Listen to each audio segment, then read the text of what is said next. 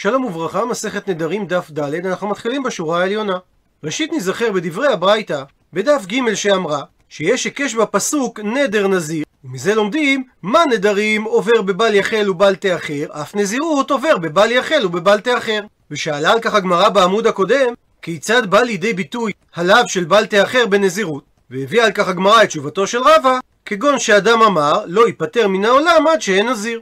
ומביאה עכשיו הגמרא תשובה שנייה לשאלה זו. רבח בר יעקב אמר שמדובר כגון דנדר והוא בבית קברות. ומבינה הגמרא שהוא צריך לצאת מיד ולקבל עליו נזירות, וכל זמן שהוא מתעכב ולא יוצא מבית הקברות, אז הוא מעכב את קיום נדרו, ולכן הוא עובר בבל תאחר. ומקשה הגמרא על תשובתו של רווח אבר יעקב שתי קושיות. שאלה ראשונה, הניחא למאן דאמר שזה ריש לקיש במסכת נזיר, שלא חי לעלי נזירות מאלתר. שאדם שקיבל עליו נזירות בעודו בבית הקברות והוא אוכל ושותה יין בבית הקברות, לפי ריש לקיש הוא לא לוקה, כי לא חלה עליו הנזירות באופן מיידי, וכאשר הוא יצא מבית הקברות, הוא צריך לחזור ולקבל עליו נזירות. אז לפי דעתו של ריש לקיש, ניתן לומר שכל זמן שהאדם הזה מתעכב בבית הקברות, אז הוא אכן עובר על בל תאחר. אלא למאן דאמר, שזה רבי יוחנן במסכת נזיר, שאם אותו אדם שקיבל על עצמו נזירות בבית הקברות, אוכל ושותה יין בבית הקברות, הוא לוקה על כך שהרי מאלתר חי לעלי, שהנזירות חלה עליו באופן מיידי, מי איכא בל תאחר? האם יש לשיטתו מציאות של בל תאחר בנזיר? והנזירות חלה מיד, אפילו שהוא כרגע במצב של טומאה. ועוד קושייה שנייה, האמר מר ברב אשי, שם במסכת נזיר, שגם לפי ריש לקיש חי לנזירות עלי מאלתר, באופן מיידי. וכי פליגי, ומה שנחלקו ריש לקיש ורבי יוחנן, לעניין מלכות פליגי, שלפי ריש לקיש, אפילו שחלה עליו הנזירות לאלתר, והוא אכל ושתה יין בבית הקברות, הוא לא לוקה על כך, אלא רק ממתי שיתחיל למנות את הנזירות בטהרה.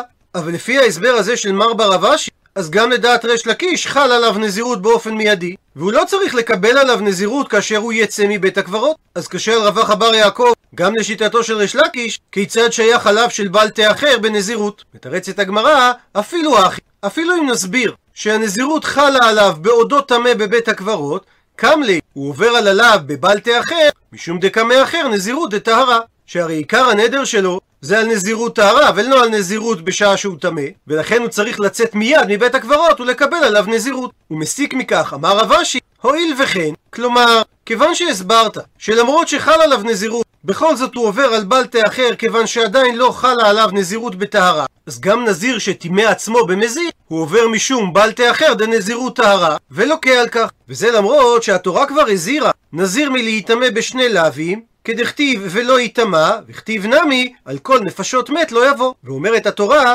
שהימים הראשונים שהנזיר היה טמא בהם ייפלו, והם לא עולים לו, לימי הנזירות שהוא התחייב בטהרה. אבל אין להסיק מכך שהתורה התכוונה שלא יהיה עליו עונש אחר, אלא במידה והוא טימא עצמו במזיד, הוא לוקה גם משום הלאו של בל תאחר. הוא מביא הגמרא תשובה שלישית, כיצד שייך הלאו של בל תאחר בנזירות? רבח דרב איכא אמר שהנזיר עובר בבל תאחר תגלחתו. שכאשר הנזיר היה משלים את ימי נזירותו בטהרה, הוא היה צריך להביא שלוש קורבנות, קורבן חטאת, קורבן עולה וקורבן שלמים. והוא היה חייב לגלח את שיער ראשו, ולשרוף אותו באש, שעליה היו מבשלים את בשר השלמים. ואם הוא ישתה עם התגלחת, הוא עובר בבל תאחר. וחלקו רבי אלעזר ורבנן במסכת נזיר, מה משמעות הכתוב ואחר ישתה הנזיר יין. שלפי רבי אלעזר הכוונה שאחר כל המעשים כולם, כולל התגלחת והרצאת הדמים של הקורבנות, מותר לנזיר לשתות יין, ולרבנן, מיד אחר שהביא קורבנותיו הוא מותר ביין. והתגלחת לא מעכבת את הנזיר מלשתות יין. הוא מסביר רבח הברדר אביקה שאיסור בל תאחר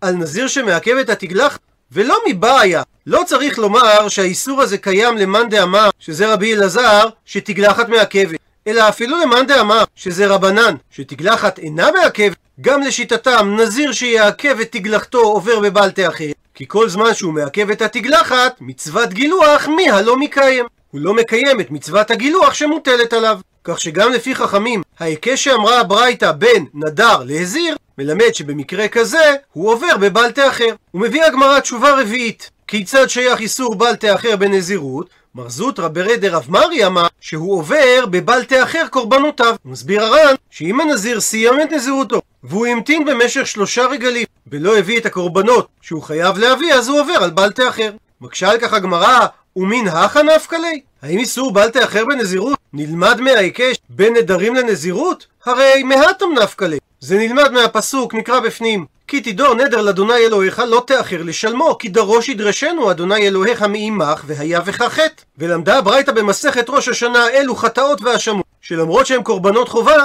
גם בהם שייך איסור בל תאחר, והרי קורבנות נזיר, הרי אין בכלל אלו. אז מדוע אמרה הברייתא שצריך ללמוד את הדבר מהיקש? מתרצת הגמרא, מהו דתימה? לולא ההיקש בנדרים לנזירות, היית חושב לומר שלא שייך דין בל תאחר בנזירות, כי חידוש הוא שחידשה תורה בנזיר. ולכן היה צריך ללמוד בהיקש, שלמרות החידוש שחידשה התורה בנזיר, שייך בו בכל זאת דין בל תאחר.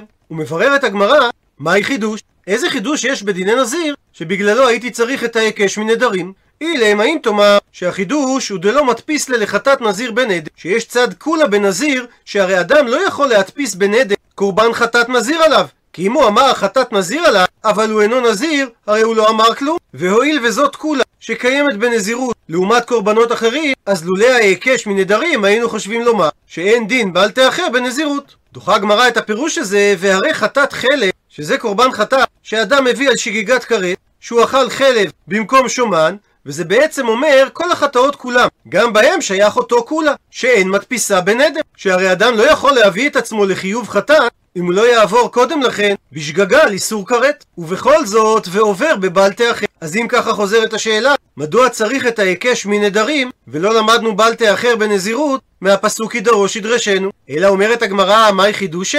מה החידוש שחידשה התורה בנזיר? סלקא דתך אמינא, שהיה עולה על דעתך לומר, הואיל ואם אמר אדם הרי אני נזיר אפילו מן חרצן, דהיינו שהוא מקבל עליו נזירות מחרצנים של ענבים בלבד ולא משאר איסורי נזיר, ובכל זאת הדין שהוא הווי נזיר לכל דיני נזירות. אז אולי אימה תאמר שאולי הוא לא יעבור עליה משום בעל תאחר, שהוא לא יעבור על הקורבנות שלו באיסור בעל תאחר, כמה השמלן באה הברייתא ללמד אותנו מההיקש לנדרים, שגם על קורבנות נזיר חל איסור בל תאחר. מקשה על כך הגמרא, הניחא למאן דאמר. ההסבר הזה מתיישב רק לפי מי שסובר שכי נזיר מן חרצן, הווה נזיר לכל דיני נזירות. אלא לרבי שמעון דאמר שאין אדם נזיר עד שיזיר מכולן, מה יקא למימר? הרי אין חידוש בדין הנזיר, ולשם מה הייתה צריכה הברייתא ללמוד את דין בל תאחר בנזירות מההיקש לנדרים. ועוד מקשה הגמרא, שהרי כל ההיגיון שמפני שיש בנזיר חידוש, אז היינו חושבים שהוא לא נכלל בלימוד מהפסוק כי דרוש ידרשנו,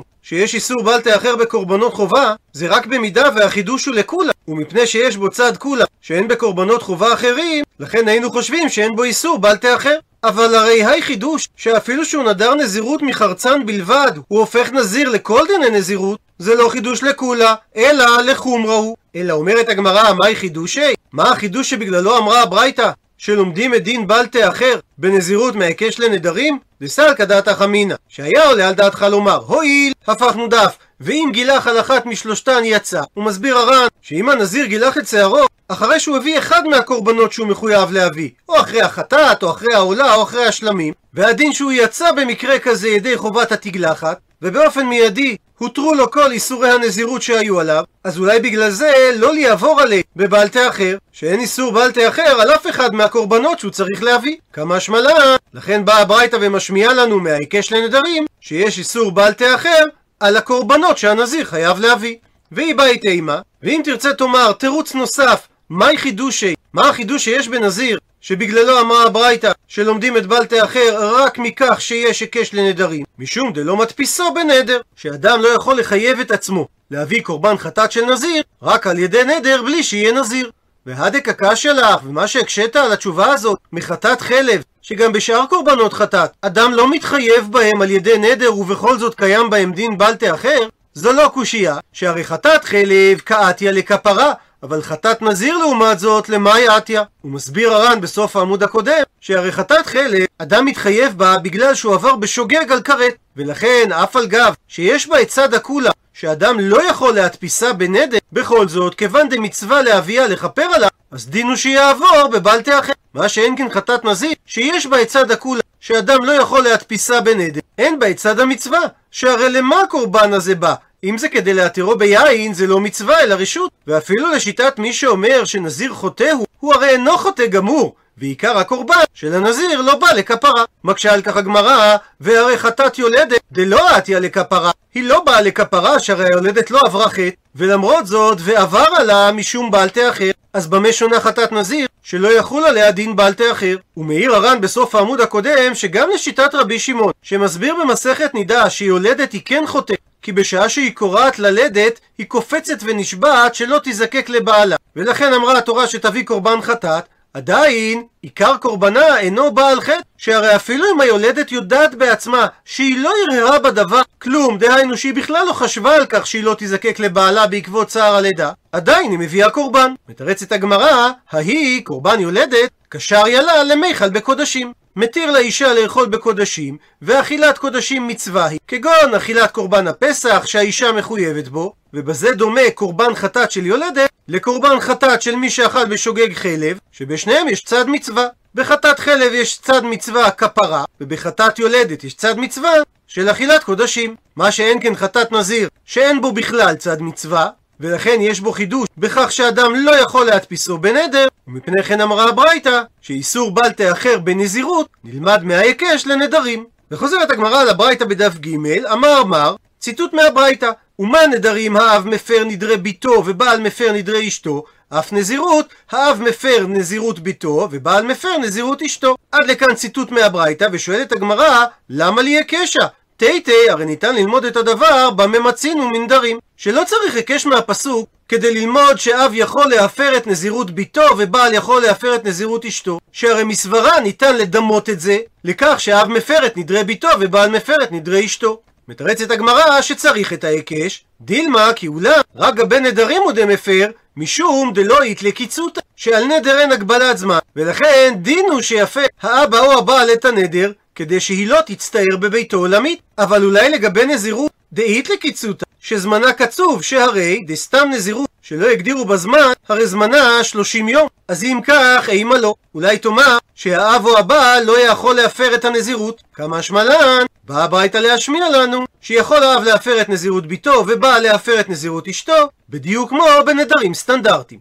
ציטוט מהמשנה האומר לחברו מודר אני ממך או מופרשני ממך או מרוחקני ממך שזה ידות נדרים דהיינו לשון חלקית של נדר הדין שהוא אסור. ועל כך אמר שמואל, בכולן, דהיינו בכל הלשונות שהוזכרו במשנה, אין הנדר חל עד שיאמר בסוף המשפט שאני אוכל לך או שאני תואם לך. דהיינו שלפי שמואל צריך לקרוא את המשנה באופן הבא. שבחלק הראשון של המשפט אדם אמר מודרני ממך או מופרשני ממך או מרוחקני ממך ולזה הוא צירף את החלק השני של המשפט שאני אוכל לך או שאני תואם לך אז הדין שהוא אסור ליהנות מחברו מקשה על כך הגמרא מאיתי וקושייה ממקור תנאי על דברי שמואל שאומרת הברייתא אם אדם אמר מודר אני ממך או מופרשני ממך או מרוחקני ממך הרי זה אסור. ואם הוא אמר שאני אוכל לך או שאני תואם לך הרי זה אסור. ובשונה מהמשנה ששם שנינו רק פעם אחת את המילה אסור הרי בברייתא הזאת כתוב את המילה אסור פעמיים. ולכן משמע שעל כל משפט שהוא אמר בפני עצמו הדין שהוא אסור. שהרי אם לא כן הייתה הברייתא צריכה לנקוט את אותה לשון כמו במשנה, ולהגיד אסור רק בסיפא. מתרצת הגמרא, הכי קטני. כך צריך הוא לפרש את הברייתא, שבהמשך למשפט הראשון אומרת הברייתא במה דברים אמורים באומר שאני אוכל לך או שאני תואם לך. ממשיכה הגמרא ומקשה והתניא איפכא. הרי יש ברייתא נוספת שגורסת בדיוק הפוך, שאם הוא אמר שאני אוכל לך או שאני תואם לך אסור, ואם הוא אמר מודרני ממך או מופרשני ממך או מרוחקני ממך הרי זה אסור. הוא מסביר הר"ן שבברייתא הזאת לא ניתן לומר שהסיפא של הברייתא היא פירוש של הרישא של הברייתא שהרי מבחינה תחבירית זה לא מסתדר. עונה על כך הגמרא תני הכי תסביר את הברייתא באופן הבא שאדם שאמר שאני אוכל לך או שאני תואם לך הוא אסור במידה וכבר אמר מודרני ממך או מופרשני ממך או מרוחקני ממך וזה תואם לדברי שמואל מקשה על כך הגמרא שתי קושיות. אי הכי אבל אם כך, היינו רישא. אם אתה אומר שהברייתא שהבאנו ראשונה והברייתא שהבאנו שנייה אומרות בעצם אותו דבר, אז מדוע שינה התנא של הברייתא השנייה את לשונו? הרי נכון היה יותר לשנות, כמו שהסברנו את הברייתא הראשונה, במה דברים אמורים, מאשר לשנות את סדר המשפט הפוך ולחבר בין הרישא לסיפא על ידי המילים וכבר אמר. ועוד שואלת הגמרא, אסור אסור, למה לי למיתנה? גם אם נחבר בין הרישא והסיפא של הברייתא על ידי המילים וכבר אמר, לא מובן מדוע חזרה הברייתא בסופה על המילה אסור. אלא מכוח הקושיות האלה, ודאי ששמואל מודה ששתי הברייתות שהביאה הגמרא, מילי מילי קטני, שבכל לשון שהזכירה הברייתא בפני עצמה, הדין שהנדר חל והאדם אסור. והסיבה שאמר שמואל על המשנה שצריך לחבר את החלק הראשון של המשפט עם החלק השני, כי אמר שמואל שטעמא דאמר רק מפני שהנודר הוסיף לחלק הראשון של המשפט את החלק השני שאני אוכל לך או שאני תואם לך, אז הדין הוא דאסור וחברו מותר, שהוא עשה רק על עצמו ליהנות מחברו ולא על חברו ליהנות ממנו, שאם לא כן, אז הייתה המשנה צריכה לומר אסור על החלק הראשון וגם אסור על החלק השני בפני עצמו, כמו ששנינו בברייתות. ומזה שאמרה המשנה אסור רק פעם אחת, מוכח שהוא אסור אבל חברו מותר. ולכן פירש שמואל שהמשנה מדברת שיש חיבור בין החלק הראשון של המשפט לחלק השני. הפכנו דף, אבל אם אמר הנודה מודרני עמך, או מופרשני ממך, או מרוחקני ממך לחודה, כמשפט בפני עצמו, הרי הדין ששניהם אסורים זה על זה. והוכחה לדבר כי ה... כמו דאמר רבי יוסי ברבי חנינא, שאדם שאמר לחברו מודרני המך, שניהם אסורים. עד לכאן דף ד'.